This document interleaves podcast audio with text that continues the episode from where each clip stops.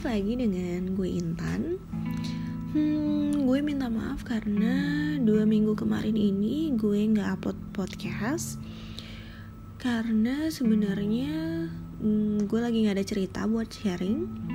Terus um, dua minggu kemarin ini juga gue lagi rentan banget sakit Sakit flu karena cuacanya lagi nggak baik lagi pancaroba.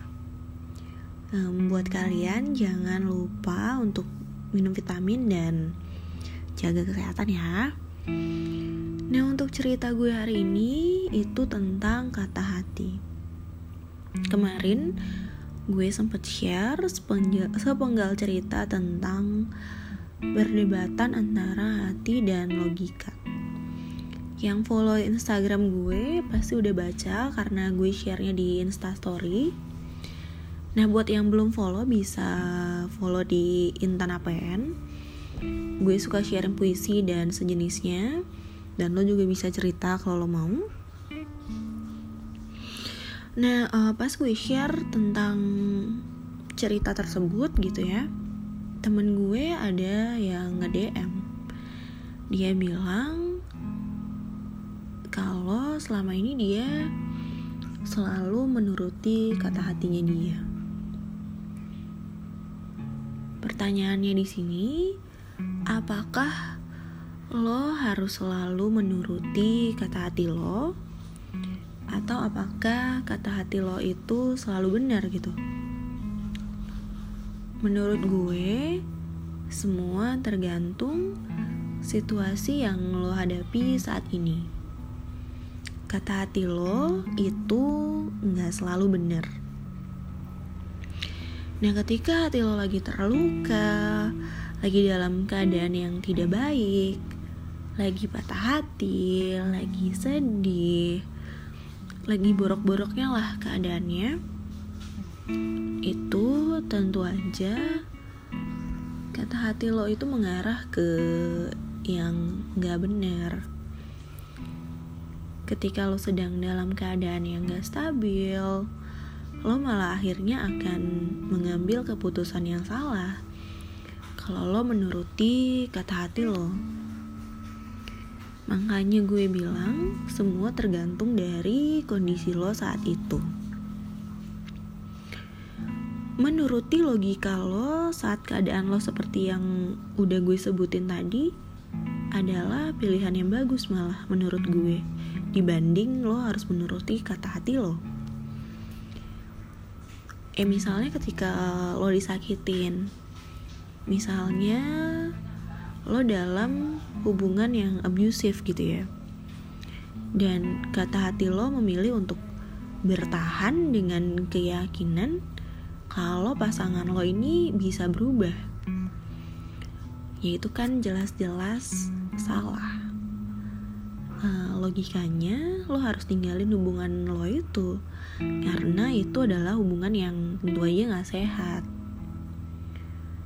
Sama kayak kata hati lo bilang kalau lo bisa ngerubah sifat pasangan lo. Misalnya pasangan lo adalah seorang cowok atau cewek yang bad girl gitu ya atau bad boy. Ya kata hati lo jangan diturutin karena sampai kapan pun dia nggak akan bisa lo rubah. Logikanya, kalau lo mau punya pasangan yang baik, ya dari awal carilah pasangan yang baik. Kata hati lo, jangan sampai malah membuat lo menjadi lebih sakit hati, lebih menjadi bobrok dan lo malah nggak berkembang jangan semua keputusan lo pakai hati lo doang. Tapi pertimbangkan juga dengan konsekuensinya apa yang lo ambil saat ini keputusan yang lo ambil saat ini tuh pasti ada konsekuensinya di depannya. Misalnya juga ketika lo berantem nih sama pasangan lo. Tapi alasannya sepele gitu gara-gara misalnya nggak balas chat atau gara-gara pasangan lo lagi sama temen-temennya.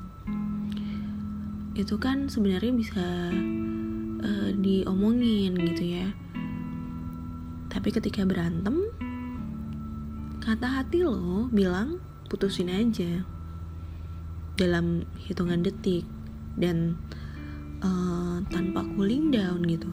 Lo yakin nih sama kata hati lo gue udah disakitin banget nih. Gue nggak bisa gitu. Cuma gara-gara misalnya dia nggak bales chat ya. Bukan gara-gara yang abusive yang kayak gitu kan. Ya kalau itu dia jelas-jelas harus ditinggalkan gitu.